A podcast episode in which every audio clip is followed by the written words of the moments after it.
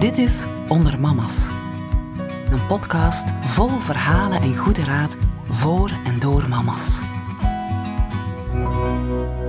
Goedemorgen, eh, Stefanie. Welkom bij Onder Mama's, de adviesaflevering rond Ik word plus mama met tips en tricks. Goedemorgen Sonja, leuk om hier terug te zijn bij jou in de studio. Twee weken geleden hadden we een heel interessant gesprek rond jouw wel bijzonder en groot plusgezin. Bedankt nog een keer voor uh, jouw getuigenis, want ze heeft ons toegelaten om uh, eventjes binnen te kijken in jouw drukke mama-leven. Heb jij reacties mogen ervaren? Ja, ik was toch wel aangenaam verrast uh, van de vele reacties. Eigenlijk heel veel positieve reacties. En ook wel mama's die durfden hun hart ook bloot te leggen naar mij toe van ja, situaties die zij meegemaakt hebben. Maar ook veel mensen rondom mij die mij kennen, die mij uh, positieve feedback gaven van uh, goed gedaan en, en, leuk om te horen. Doe wel deugd. Ja, het is toch wel een kunst hè, om met de verschillende gezinsleden om te gaan. Jezelf niet te vergeten. Wij willen jou zeker nog een keer een dikke proficiat wensen met hoe jij dat hebt aangepakt in jouw nieuw gezin. Toch al deels een gevormd gezin, hè, papa en kindjes. En jij moet je eigen plaats vinden en ook nog constructief meewerken de opvoeding van de kinderen. En daarna bouw jij ook nog jouw eigen nest. Laat ons een kat een kat noemen. Toen jij verliefd werd op je partner en de kinderen er gratis bij kreeg, dacht je waarschijnlijk, we gaan het beste van maken. Hè? En wij kregen dan een reactie van Annelies. Die schreef het volgende. Hallo, ik ben mama van een dochtertje van twee en plusmama van een zoontje van acht jaar. En ik merk dat onze zoon het na een wissel van mama naar papa de eerste momenten moeilijk heeft om zich aan te passen. Merken jullie dit ook bij de pluskinderen? Hebben jullie eventuele tips voor ons? Ja, dat komt mij heel bekend voor. Inderdaad, de dag dat de wissel is, ook al beseffen ze van s'morgens volgens mij nog niet echt als ze de avond erna naar mama gaan, toch voelen wij al een beetje spanning. Dan gaat het vooral om Emio, om eh, een pluszoontje van 11. Eh, Die heeft een Hans ander ritme. Je voelt dat en we vergeten dat soms. En dan denken we, ah ja, het is weer wissel en het zal daarmee te maken hebben. Dus dan proberen we er toch wel een beetje rekening mee te houden. Ja. En ik denk dat je vooral in je hoofd moet plaatsvinden van oké, het is vandaag de wisseldag. Het kan gewoon moeilijk zijn. En ik heb dat van nog gezinnen gehoord. Dus ik denk dat we dan gewoon een beetje lakser moeten zijn. En het kind gewoon een beetje laten ontspannen op zijn eigen manier ja, dat is hoe dat wij er zelf mee omgaan. Maar natuurlijk doet iedereen dat op zijn manier. We proberen een beetje door de vingers te kijken en denken van oké. Dus ik krijg wat meer vrijheid dan zo die dagen? ik denk het wel. Allee, het is niet altijd gemakkelijk dan, maar we voelen echt ook wel enorm het verschil met de dag van de wissel. Naar mama, naar papa. Ook het moment dat hij bijvoorbeeld van mama komt en hij komt bij ons, dat we hem even op zijn positief moeten laten komen. Even in zijn cocoonetje. En dan komt hij vanzelf tot rust, komt hij bij ons zitten en begint hij vanzelf te praten. En dan denken we, oké, Voilà. Ja, die wissel, gebeurt dat op een bepaald moment van de dag? Ja, meestal is dat altijd gewoon de vrijdag bij ons. Natuurlijk, in de vakanties is dat helemaal afwisselend. Als de schoolperiode is, dan is het eigenlijk altijd na school. En dat is ook gemakkelijker eigenlijk voor Emio, vinden we. Omdat hij met de bus naar school gaat en terug naar huis. En dan weet je de vrijdag van, oké, nu ga ik de bus pakken naar papa of nu moet ik de bus pakken naar mama. Dan spreken we dat eigenlijk gewoon af. Dus dat verloopt vlot? Ja, dat verloopt eigenlijk wel vlot. Ja. Buiten inderdaad, in het begin hadden we misschien meer zoiets van, hoe gaat het nu weer zijn? Hè? Gaat hij weer humeurig zijn? Maar dan denk je ook van, dat kind kan daar eigenlijk niet aan doen. Hmm. Dat kind kiest niet voor die situaties en dan moet je daar gewoon een beetje bij neerleggen. Kan zijn uh, kleine zus Oral hem daarbij helpen? Die maakt hem altijd aan het lachen. Oral is heel zot van haar broer en haar zus. En als ze dan Emio ziet ook van school komen, dan is dat direct, oh broer, knuffel. En ja, Emio kan niet anders dan blij zijn. Hè, dan. Ja, dus, dus dan, dat denk, is, dan smelt je hart wel. dat is echt superleuk om te zien hoe dat die band uh, toch zo hecht is. Ook al zien ze elkaar dan wel een week niet. En ja, misschien is dat ook wel iets positiefs eigenlijk. Daardoor dat Emio ook sneller uit zijn cocoon, zoals u dat juist zei. Hm. Ik denk gewoon dat ik ga afwachten tot ze eigenlijk zelf beseft van oei, waar moet mijn broer nu naartoe? Natuurlijk, zij worden zo opgevoed zij worden dat wel echt gewoon, denk ik. Natuurlijk, als die vraag komt, dan ja, moeten we daar een uitleg aan geven. Hè, maar ik denk dat dat wel van zijn eigen gaat uh, loskomen. En toen je ja, in de beginperiode dat je kennis maakte met uh, de pluskinderen, hè, uh, voelde je je dan af en toe zo een Nanny McPhee? Nee, totaal niet. Ook omdat dat volledig niet mezelf is. Ehm, nee, ik had gewoon zoiets van, vooral in het begin, ik laat het gewoon een beetje loslopen en ik kijk ook een beetje hoe dat Timmy naar zijn kinderen toe zijn opvoeding doet. En uiteindelijk ja, is dat mama-gevoel, plus mama-gevoel dus toen, uh, vanzelf een beetje losgekomen. Mijn man is nu niet zo'n planner, dus gelukkig dat ik er dan ben, om te zorgen dat bijvoorbeeld de kleertjes op tijd klaar liggen, een boekentasje gemaakt is. Hij zou dat ook wel doen, maar misschien is dat iets meer dat ik mezelf opoffer omdat ik dat ook gewoon wil doen. Ik doe dat gewoon graag. Dus ja, dat is toch wel een beetje het mama-gevoel dat naar mij boven kwam, ook al wist ik niet wat mama zijn was. Laten we het dan het plus-mama-gevoel noemen of zo. Ik weet het niet, maar het was er wel.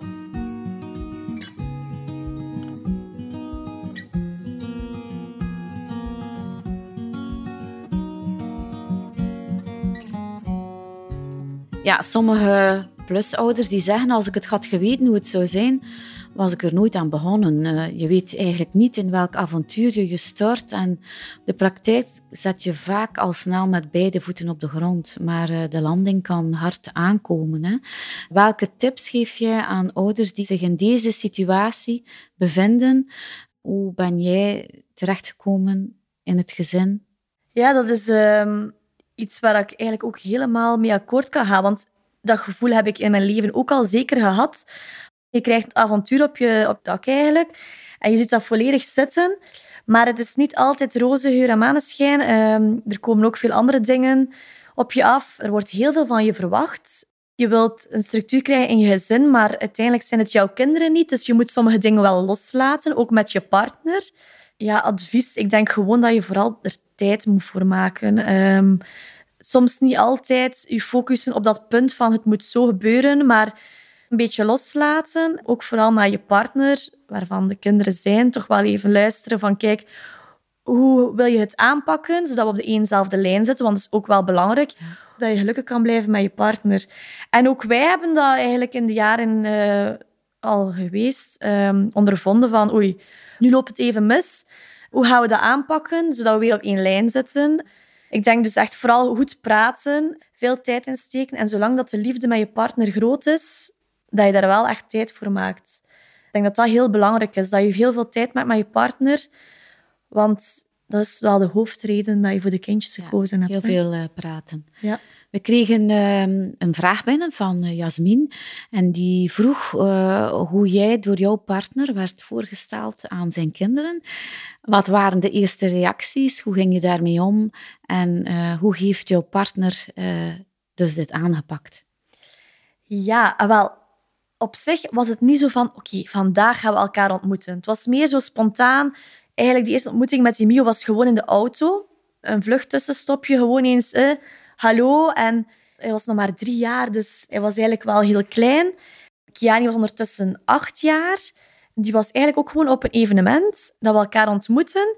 En ook gewoon heel spontaan. Uh, niet te veel gepusht. Uh, ook geen activiteit echt, maar gewoon voorstellen van, kijk, dat is papa zijn vriendin. De allereerste activiteit gaat... Ik weet het zelf niet meer. Ik denk dat wij in het begin, de eerste maanden, echt gewoon afspraken. En dan kwamen de kindjes inderdaad bij papa slapen. En dan begon dat wat meer en meer. Maar in het begin heb ik me eigenlijk vooral afzijdig gehouden. Zijn ding van opvoeding laten doen. En ik was een beetje de observator, precies. Van, oké, okay, je stond uh, aan de, aan de zijlijn te kijken ja, maar liep wel vol volle moed. Maar had ik zoiets van, oh, zo leuk. En ik heb er hier eigenlijk een extra portie liefde bij. En ik ook voor hun eigenlijk. ben er klaar voor. En de kinderen waren blij. Dus dan komt dat meer en meer los. En dan durf je zelf ook iets meer zeggen. En... Werd je nog meer verliefd op de man uh, als je zag hoe hij met zijn kinderen omging? Uh, wel, ja, dat is eigenlijk mooi gezegd. Eigenlijk wel. Want ik vind dat Timmy echt wel een, een hele goede papa is daarin betrokken naar zijn kinderen en echt wel wilt dat ze een goede opvoeding hebben, dat ze beleefd zijn, um, ja, dat eten er staat. Ja, je weet dat nooit, maar uiteindelijk, papa's en mama's zijn verschillend. Uh, het kan natuurlijk omgekeerd, denk ik altijd. En dat je dan als plusmama ziet van oei, het gaat hier mis, hè, dat je moet ingrijpen. Maar eigenlijk heb ik hem gewoon gevolgd en dat ging een beetje vanzelf. In het eerste gesprek, je vertelde dat je een moeilijk moment even had met je zoon. Toen je naar de McDonald's ging, en die zei, dat is mijn uh, mama niet. En uh, Ellen die vroeg, hoe heb jij daar eigenlijk op gereageerd? Uh, en kan je daar dan eigenlijk ook met jouw partner Timmy over praten? Ja, dat is inderdaad iets dat me altijd bijgebleven is. Hij was nog klein. Hoe heb ik daarop gereageerd? Ik denk gewoon een beetje weglachen. En uiteindelijk is dat ook oké. Hij mag dat zeggen, maar het was gewoon op een andere, een beetje een verkeerde toon, maar hij was nog jong. Ik denk dat we daar ook over praten met Emio. Van, nee, Steve is jouw mama niet, maar Steve zorgt ook voor jou en is jouw plusmama. Je mag gewoon zeggen dat het Steve is. En hem zo eigenlijk een beetje betrokken bij onze opvoeding. Omdat toch wel een beetje minder brutaal zou overkomen. Maar natuurlijk, ja, kinderen ja, die zeggen de waarheid en soms een beetje op een te impulsieve manier. Wat dat eigenlijk niet slecht is, hè, maar als jong meisje toen kwam het misschien wel wat verkeerd over. Maar eigenlijk ga niet te veel om, om lang over te piekeren. Ehm, ik zeg het ook weer terug met mijn partner over praten. Hè, van, ik kwam wel even te aanval, ik was even gevoelig, maar ja. Kunnen relativeren is wel waarschijnlijk dat is belangrijk. En ik denk dat dat vooral is met ouder worden, dat je dat krijgt. En ja, ik denk als je niet achter je pluskinderen staat, dat je nergens komt en dat je je relatie kunt proberen redden, maar dat dat niet lukt. En in dat geval hebben wij echt wel uh, ja. een goede gezinssituatie dan. En dan is er ook een vraag binnengekomen van Evie, die zegt... Uh, ja, hoe zorg jij ervoor dat het contact met de mama van de kindjes goed verloopt? Wij kunnen ons ook voorstellen dat dat mhm. niet altijd evident is. Hoe ga jij daarmee om? Ja, nee, dat is zeker waar. En ook um, in het begin is dat heel stroebel verlopen. Hè. Ik zei het ook al, van, ik heb mij vooral afzijdig gehouden. Maar uiteindelijk, ja, ik zorg ook wel voor hun kinderen, zoals het mijn kinderen zijn. Ik geef ze een extra portie liefde. Maar ik vind wel dat de mama nog altijd voor het zeggen heeft. En ik ga altijd luisteren naar hun. Ook al durf ik al meer mijn mening zeggen. Maar als ik dan aan het begin kijk, heb ik dat inderdaad vooral Timmy met de mama laten bespreken. Omdat ik mij eigenlijk echt niet wou moeien. En omdat ik misschien ook ergens wel voelde van... Het moet wel pijnlijk zijn om je kinderen aan een andere vrouw te... Ja, ze laten opvoeden op een andere manier. En nu zeker als ik zelf mama ben, dan kan ik daarop terug op blikken van amai, chapeau. Nu, alles komt echt wel goed. Hè. Ehm, het is natuurlijk ook leuker dat je nu samen kunt communiceren. En in mijn geval is dat ook zo. In het begin was het Timmy en de mama. Maar zoals ik al zei, ik ben echt wel een planner. Timmy totaal niet. Dus het is gewoon makkelijker dat ze naar mij sturen of bellen. Het is het belangrijkste eigenlijk dat je er wat tijd laat over gaan. Dat je iedereen zijn rust een beetje laat vinden, denk ik. En hopen dat na een paar jaar dat je gewoon kunt communiceren met de ex-partner van jouw man, jouw vriend.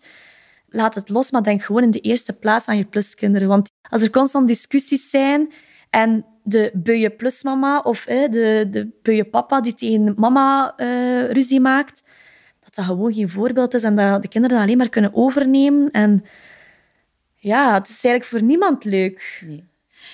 Eigenlijk kunnen we toch zeggen dat je mild mag en moet zijn voor jezelf, je partner, de kinderen, kortom voor alle partijen. Hè. Zoals je zei, de kinderen van je partner die hebben eigenlijk al eh, twee ouders. Hè.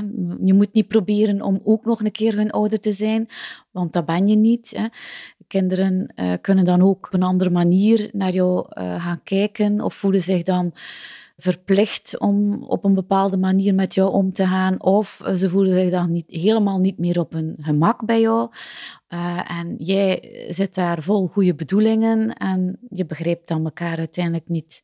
Je bent ook niet het vriendje, vriendinnetje van het kind. Uh, je bent uiteindelijk de plusouder. Niet onbelangrijk, maar dit betekent dat je de nieuwe partner bent van een ouder. En uh, je beslist ook mee over de dagelijkse organisatie. En volgens afspraak krijg je ook wel geleidelijk aan een grotere betekenis en uh, kan jij ook mee de grotere thema's zoals opvoeding en organisatie meehelpen opvolgen, zodanig dat het allemaal wel losloopt en heel vlot verloopt. Hè? Ja, dat is zeker. En er zijn ook moeilijke momenten geweest en die zullen er nog altijd zijn. En dan keek ik wel op internet en dan zocht ik dat wel eens op van hoe ga ik om met de situatie met mijn pluskinderen bijvoorbeeld. Maar ik heb niet echt boeken gelezen maar vooral eigenlijk veel gepraat. Met de mensen rondom mij, eh, die Timmy het langste kennen, die de kinderen het langste kennen. Mijn schoonouders, ook met mijn eigen mama dan. Gewoon heel veel raad vragen aan mensen. Ik denk dat het heel veel deugd doet om te praten, advies te vragen en gewoon open te stellen. Het is echt oké als het eens misloopt. Het moet niet perfect zijn. Ja, zolang dat er liefde is. Ja. Ja, Stefanie, uit het vorige gesprek hebben wij echt een heel warm gevoel aan overgehouden dat je uit een warm nest komt. Hè. Maar stel dat dit nu eens niet het geval is. Er zijn mama's hè, of plusouders die zich echt maar op hun gemak voelen als iedereen hen graag ziet. En dan wordt het helemaal pijnlijk als jouw partner zich even afzondert met zijn kinderen. Of er zijn momenten dat ze jou niet nodig hebben.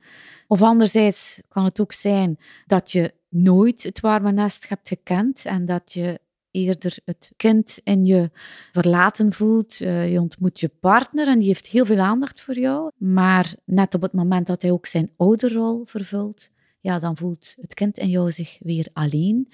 Of word je jaloers. Dus ja, waarover willen we het eigenlijk met jou hebben dat er gevoelige plekken kunnen zijn, maar die gevoelige plekken mogen jou niet helemaal in de greep nemen. Hoe kan je eigenlijk in jouw plusgezin vlot schakelen? Want je moet eigenlijk snel volwassen worden, want wij hadden wel toch de indruk uit jouw vorig gesprek dat jij als twintigjarige dat wel fantastisch hebt gedaan om zo snel naar een volwassen modus te kunnen schakelen. Hè? Ja, ik denk dat ik als plusmama ook heel veel van die emoties ken. Daarom is het ook echt niet te onderschatten als plusouder. Um, ik denk, wij als plusmama allemaal, die dat soms te weinig aan onszelf denken en, en denken dat het moet allemaal van vlot gaan, moet allemaal perfect gaan en het is allemaal oké. Maar soms als het eens niet oké is, zoals je zegt van dat het kind misschien nood heeft meer om bij zijn papa even alleen te zijn, en dat dat wel even knaagde aan mezelf, omdat ik dacht van, ja, inderdaad, nu hoor ik er niet bij. Ehm, ik doe hier ook alle dagen de zorg. Maar dat is ook weer een kwestie van tijd dat je moet leren loslaten. En dat is dus weer een extra werkje als plusmama. Loslaten. Om dan gewoon te weten van, kijk, dat kind kan er weer niet aan doen. Hij wil bij zijn papa zijn. Je kan niet verwachten dat je die rol als mama volledig inpakt en dat het kind je volledig aanvaardt daarvoor. Ik heb ook zo'n situatie, ehm, als ik terugdenk, er was een, een, periode dat Timmy heel veel moest werken en uh, ik dan meer voor de kinderen zorgde. En de wissel naar mama, dat ze toch wel verdrietiger waren. En dan dacht ik van, heb ik nu echt gefaald? Ben ik nu een hele week zo mijn best aan het doen om leuke dingen te doen, om lekkere gerechtjes te koken, om veel liefde te geven, om om hem vrijheid te geven. Waarom wenen ze dan? Maar dan leerde ook gewoon van, ja, bent de echte mama niet. En ja, dan, dan, dan word je daar wel even verdrietig van. Maar op dat vlak hebben we dan ook weer... Ja, ik en Timmy daarover gepraat, van... Eigenlijk is dat maar normaal. En, en zoals je zegt, ik was twintig jaar. Ja, met, met de jaren mee word je volwassener. En door die situaties verandert je leven wel. Waardoor dat je dat misschien wat meer kunt appreciëren. En weten van... Het is misschien een keer een moment dat jullie een keer maar twee iets doen. En dat ik daar ook meer van geniet, om dan bijvoorbeeld te zeggen van kijk, ik ga een uitje doen met mijn vriendinnen. Dat ik misschien minder in het begin deed, maar altijd maar mijn gezin, mijn gezin, mijn gezin. Maar dat ik dan gewoon wel meer aan mezelf dacht. Van kijk, ik ga mijn vriendinnen gaan shoppen, doe iets met jouw kinderen. En s'avonds kunnen we samen eten en over ons dag vertellen. En dat de kinderen ook meer naar mij opkeken van oh ja, wat een leuke dag met papa. En we zijn blij dat Stever terug is. En dat gaf mij dan weer een goed gevoel. En dan hebben we geleerd van, oké, eigenlijk is dat gewoon zalig geweest voor mezelf. Want ik zou mezelf dan wegcijferen en dat maar die kinderen, die kinderen, die kinderen. Maar... Dus eigenlijk leren loslaten, hè? Ja, vooral leren loslaten, denk ik. En, en er tijd laten overkomen. En het is niet gemakkelijk, hè. Het is zeker niet gemakkelijk. Um, er komen dan ook wel eens traantjes bij of woedegevoelens. Maar dan weer dat praten en inderdaad denken van je moet het niet te perfect willen doen, maar denk gewoon even aan jezelf. Dat je zelf weer een, een, een leuke mama bent, dat je weer positief zit opgeladen. Uh, laat het gewoon soms even los, dat je gewoon weer nieuwe energie hebt. Want iedereen heeft dat gewoon nodig. Hè? Ja, dan kunnen we het concluderen dat je voldoende tijd voor jezelf moet nemen en dat er ook eh, een tijd voor me-time ja, voilà, moet zijn. Heel belangrijk, denk ik. Ja. Er was een vraag binnengekomen van Christine en die vroeg zich af hoe verloopt eigenlijk het plusmoederschap voor jou? Want je wordt als mama wel misschien eens vergeleken met andere mama's of de mama van de kinderen. Vergelijken de kinderen jou met hun mama, uh, je partner met de andere mama of de kennissen, of vergelijk je jezelf met de andere mama? Ik denk op dat vlak, inderdaad, de kinderen, bijvoorbeeld van. Emio kan soms zo wel zeggen, maar dat is dan wel eigenlijk grappig bedoeld van. Je gaat toch ook niet zagen zoals mijn mama, hè? dan is dat wel grappig. Dat is een eigenschap van mama's. Ja, maar dan neem ik dat eigenlijk positief op. Dan denk ik van, oké, ik zaag zoals zijn mama. Hè. Dat is, uh, we zitten op één lijn. In onze omgeving worden we niet echt vergeleken. Ik denk dat het meer positief is, want uiteindelijk er is een reden dat het een ex-partner is en dat ik de nieuwe vrouw ben in zijn leven. Dan er op sommige vlakken dat ik andere eigenschappen heb dan de ene partner, waardoor dat het toch wel klikt. Ja, bijvoorbeeld is het al gebeurd dat er een kindje ziek was en heel ziek. En die dan zegt, ja, ik wil, ik wil mijn mama. Ik wil jou niet. Ja, ik denk dat dat meer is in de week dat ze bij ons zijn. Dat, dan ze dan meer zeggen van, ik wil een papa. En dan, ja, dan, dan breekt je hart ook wel. Hè. Dan denkt ze, ah, nee, papa is nu aan het werken. Dan probeer ik gewoon afleiding. Um, iets leuk te doen. En dan te zeggen van, kijk, ga eens naar papa bellen. Papa komt er dan zo aan. Um, en dan wordt dat ook wel snel vergeten. Maar dat is natuurlijk weer een moeilijke opdracht. Hè, want denkt dan ook weer van, oei, ben ik nu echt minder waardig? Ik doe hier weer alles voor u. En... Maar dat is echt iets dat je als plusouder moet loslaten. Want je bent echt plusouder. En de belangrijkste persoon in het leven is mama en papa. En eigenlijk wil je die rol ook niet vervangen. Absoluut.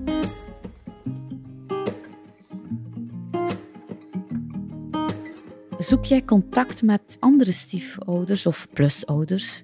Praat jij met hen erover? Als die uh, mensen op mijn pad komen, is het altijd wel leuk, omdat we dan ook wel voelen dat wij inderdaad in hetzelfde schuitje zitten. Bijvoorbeeld, er was over tijd een mamatje bij ons en die vertelde van, hè, zij is net plusmama, ha, als de, de dochter bij ons komt, dan is het toch altijd wel een beetje aan papa hangen. En dan voelde ik dat jaloers gevoel zo'n beetje van oei. En dan dacht ik van, ah, ik kan haar echt laten opluchten van, ik snap dat. Bij mij was dat in het begin ook echt zo.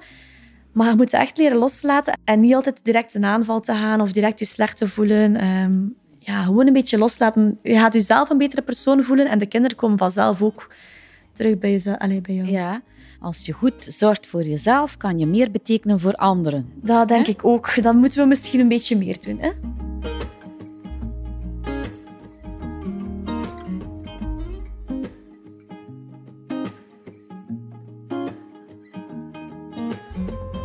Hebben het uh, al af en toe gehad over uh, Timmy, hè? maar uh, in ons gesprek vandaag wil ik toch nog wel een keer dieper op ingaan.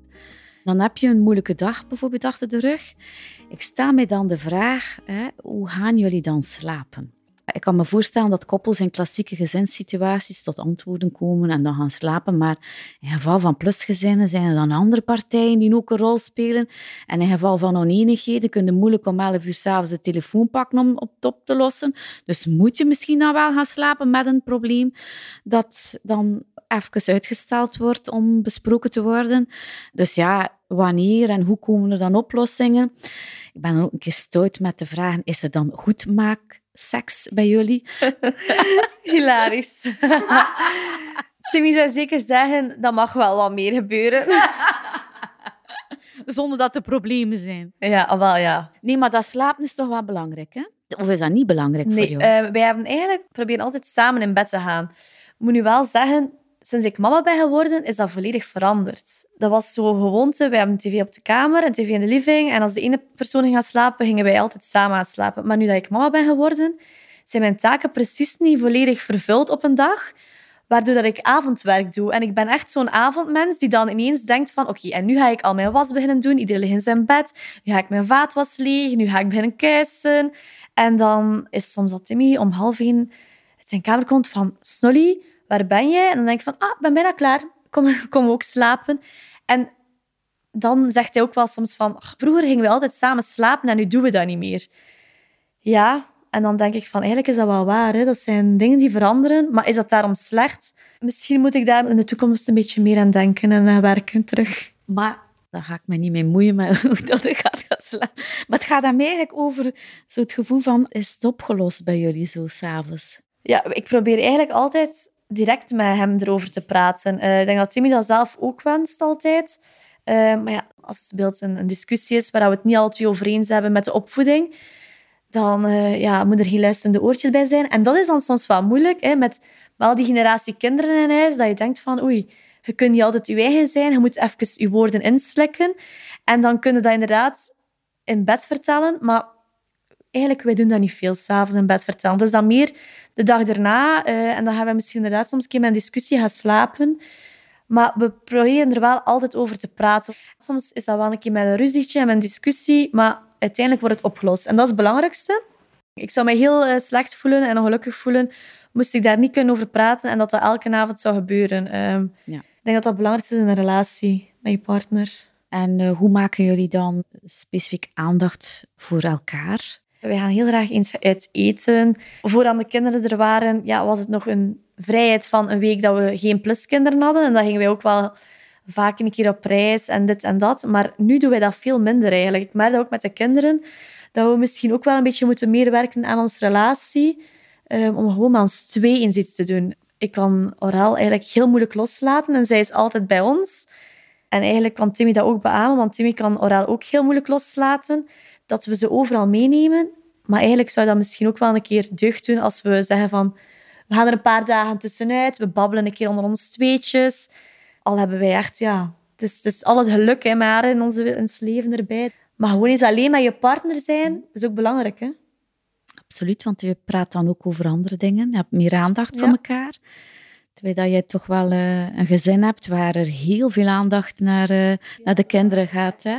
Ja, het is, soms uh, een Hans takenpakket om iedereen evenveel liefde te geven en het een beetje te verdelen. En ik denk dat onze situatie, inderdaad, het is een drukke gezinssituatie, dat wij heel veel over onze kinderen babbelen en, en dat we het aanpakken. En, en dat is ook positief, want dat brengt ons ook dichter bij elkaar en, en dat is een Hans avontuur op zijn eigen. Maar ik geloof ook dat het allemaal situaties zijn in fases. Uh, als de kinderen groter zijn, dat dat ook weer helemaal anders wordt. Hè? Absoluut, ja. Maar ja, ik zei het, op, op dat vlak met mijn partner moeten we misschien toch wel wat meer dingen terug samen doen. Maar ik denk dat veel mensen dat kunnen beamen als je zo jonge kinderen hebt. Dat dat even de aandacht toch wat minder wordt naar je partner. Als je dat nu wilt of niet. Ofwel is dat mijn ingesteldheid, ja, en, en die van Timmy ook. Want we, ja, hebben daar beiden hetzelfde oordeel over. Wat is jouw goed voornemen nu? Hoe zou je het aanpakken? Ah, wel, Sonja, nu heb je mij een beetje wakker geschud. En dan denk ik, mijn goed voornemen is om misschien ehm, echt een dag in te plannen in de week. Of pakt een paar dagen in een maand. Hè, want in een week alweer één dag, dat is misschien alweer te veel. om eens gewoon met ons twee erop uit te gaan. Gelijk wat. Mooi, mooi.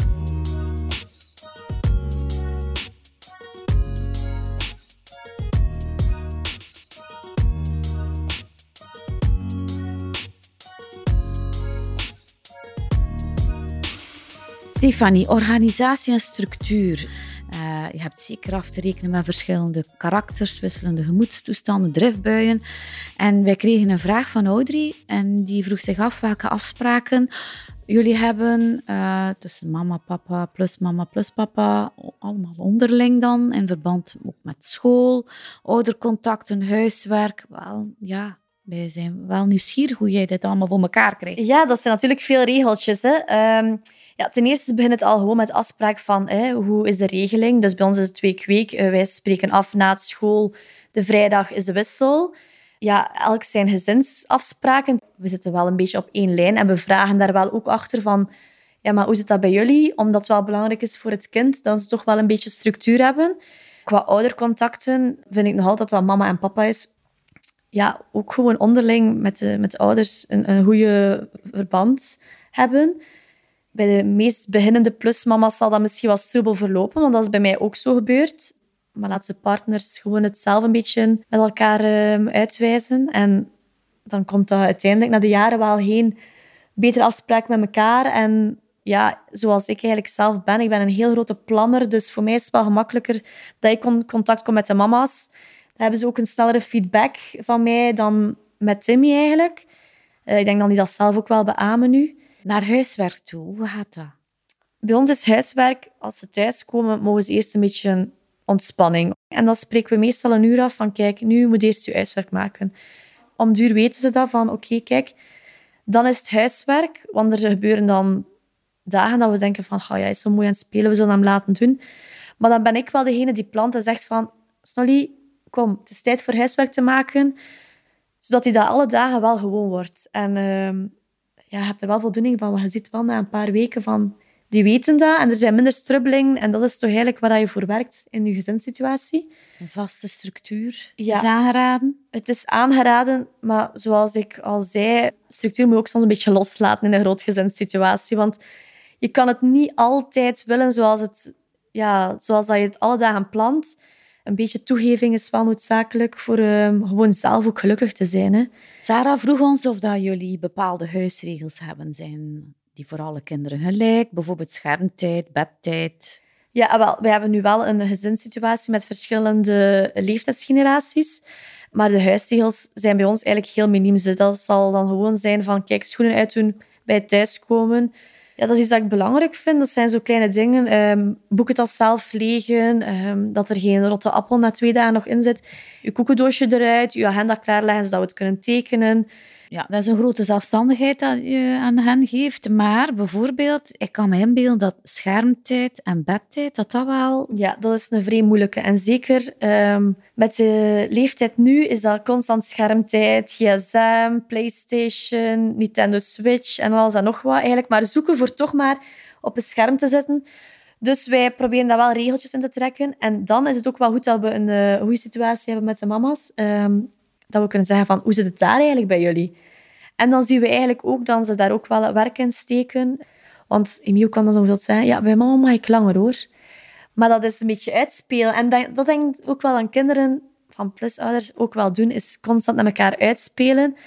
Maar belangrijk is, is dan gewoon dat je op één lijn blijft staan en wat dat jij vindt, je aanhoudt en niet zegt van allee, ja, het is goed, dan mag jij ook een beetje langer hier. Nee, bij ons is het zo en bij mama is het zo. En eigenlijk leren ze dat wel snel. Hè? Want Emilio is nu hoe oud? Is elf jaar. Elf jaar.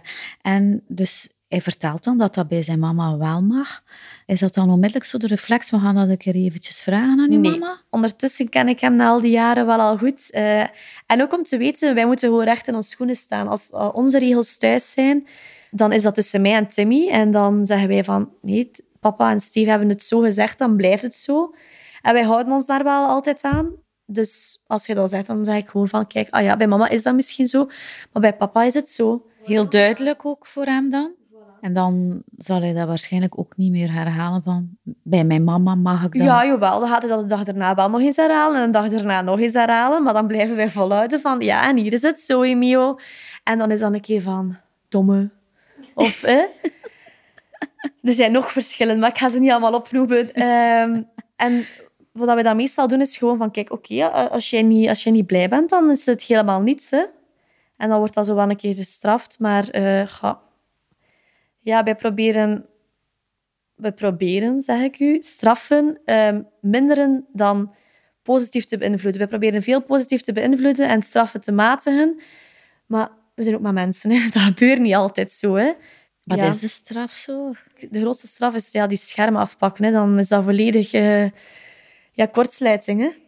Kortsluiting, ja. ja. Dat schermtijd is alles hè, nu. En dan van bedregeltjes, in de schoolperiode is dat gemakkelijk. Hè. Wij kijken nogal graag naar familie. En dan is dat zo'n beetje na familie. Mag zij nog een klein beetje opblijven. En als het klokje op negen uur staat, dan gaan we in bed. En die weet dat. En dat is er eigenlijk geen drama rond. Zowel soms een keer proberen om negen uur in bed. Ah, ik moet nog plassen moet nog een beetje water drinken. Maar, ja. En anders uh, geen speciale regels meer voor uh, als hulp in, in het huishouden, in de keuken? Uh. Nee, wij, wij vragen gewoon op het moment zelf soms van, gaan jullie een op de tafel zetten? Of uh, Emiel, wil jij nu even papa helpen een tafel afruimen? Of omgekeerd, of wil je even bij je zusje blijven? En eigenlijk vlot dat wel goed. En soms dat een klein beetje chantage ook met het schermtijd. Schermtijd is alles, daar kunnen we alles mee doen tafelmanieren, is dat iets wat jou... Uh... Ja, we vinden het gewoon belangrijk dat ze proper eten en, en, en niet uh, spelen met het eten of wat dan ook. Maar het is niet dat wij daar echt zo vrij extreem op benadrukken. Ja. Ik denk, ja, dat zijn gewoon kinderen. En dat is iets dat ik misschien ook geleerd heb als mama worden. Van, ik, zou, ik ben nu lakser geworden dan ervoor. Zou ik daar misschien meer op hameren van, allez, zet u een keer goed op tafel. Of ging het misschien veel sneller te aanval. Buiten nu kan ik dat loslaten. En dan heb ik zoiets van, oké, alles op zijn tijd. We kunnen het wel een keer zeggen. Doe je het niet direct. Je weet dat het niet mag en je weet dat het beter zo moet. Maar dat zijn zo van die zaken, ja. ja. Een gezin is eigenlijk een team, hè? Doet dan teambuilding met je ja. gezin? ja, maar dat doen wij echt wel.